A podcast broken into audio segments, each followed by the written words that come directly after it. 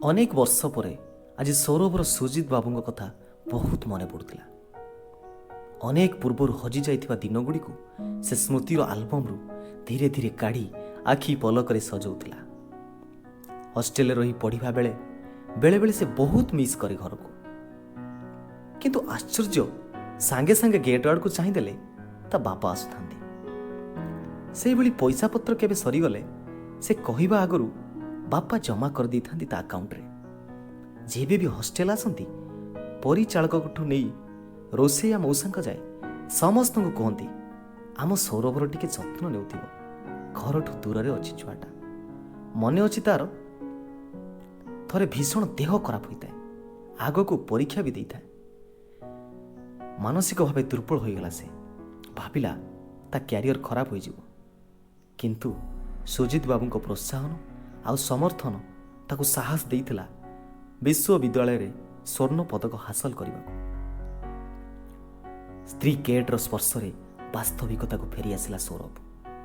ସତରେ ଅତୀତଟା ଆଜି କେତେ ସୁନ୍ଦର ଲାଗୁଛି। ଅନେକ ବର୍ଷ ପରେ ଆଜି ସୌରଭର ମନେ ପଡ଼ୁଥିଲା ତା ବାପା ମା ଆଉ ଗାଁର କଥା। ନିଜର କରି ଜାବୁଡ଼ି ଧରିଥିବା ବିଦେଶଟା ଆଜି ଭାରି ପରପର ଲାଗୁଥିଲା ତାକୁ। ନିଜ ଭିଟା ମାଟିକୁ ଭୁଲି ଏଇଠି ରହିଯାଇଥିଲା ସେ। ଅନେକ ପଛରେ ଛାଡ଼ି ଆସିଥିଲା ତାର ସ୍ମୃତିର ସାଇତା ଅତୀତକୁ।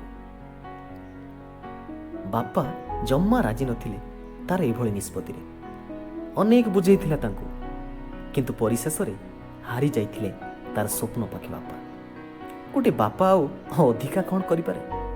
ଶେଷରେ ନିଜ ସ୍ୱପ୍ନ ସହ ସେ ଉଡ଼ି ଆସିଥିଲା ଦୂରକୁ। ଅନେକ ଦୂରକୁ। ପ୍ରଥମେ ପ୍ରଥମେ ସବୁ କିଛି ଠିକ୍ ଥିଲା। ବାପା ବି ତା ସଫଳତା ପାଇଁ ବହୁତ ଗର୍ବ କରୁଥିଲେ। ସେ ସବୁବେଳେ ଫୋନ୍ ମାଧ୍ୟମରେ ତାଙ୍କ ସହ କଥା ହେଉଥିଲା। ବେଳେବେଳେ ଆସି ତାଙ୍କୁ ଦେଖି ବି ଯାଉଥିଲା। କିନ୍ତୁ ଧୀରେ ଧୀରେ ସବୁ ଯେମିତି ପରିବର୍ତ୍ତନ ହୋଇଗଲା ସେ ନିଜେ ବି ଜାଣିପାରିନଥିଲା କେବେ ତାର ଫୋନ୍ କରିବା ଘରକୁ ଯିବା ସେମାନଙ୍କ ସହ କଥା ହେବା ଏସବୁ ସହ ସମ୍ପର୍କ ଛିନ୍ନ ହୋଇଗଲା ସେ ଜାଣିପାରିଲାନି। ପ୍ରଥମେ ପ୍ରଥମେ କିଛି ବର୍ଷ ଯାଏ ବାପା ତାକୁ ଯୋଗାଯୋଗ କରିବାକୁ ଚେଷ୍ଟା କରିଥିଲେ। କିନ୍ତୁ ବ୍ୟସ୍ତତା ଯୋଗୁଁ ସେ ତାଙ୍କୁ ଏଡ଼େଇ ଯାଉଥିଲା। ତାପରେ ହୁଏତ ବାପା ବି ବ୍ୟସ୍ତ ହୋଇଗଲେ।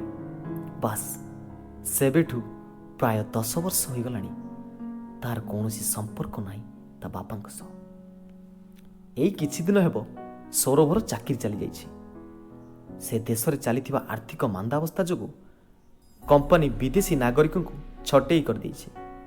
ସବୁ ମହଙ୍ଗା ଏଠି।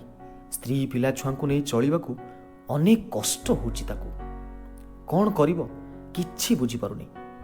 ସେଥିପାଇଁ ହୁଏତ ଆଜି ବାବା ତାର ବହୁତ ମନେ ପଡ଼ୁଛନ୍ତି। ଅଗତ୍ୟା ନିଜ ଦେଶକୁ ଫେରିବାକୁ ମନସ୍ଥ କଲା ସେ। ଗାଁର ଶେଷ ମୁଣ୍ଡରେ ତାଙ୍କ ଘର। ଝାପ୍ସା ଅତୀତକୁ ସ୍ପଷ୍ଟ କରୁ କରୁ ସେ ପହଞ୍ଚି ସାରିଥିଲା ନିଜ ଘର ପାଖେ। କିନ୍ତୁ ଏ କ'ଣ? ଚମକି ପଡ଼ିଲା ସେ।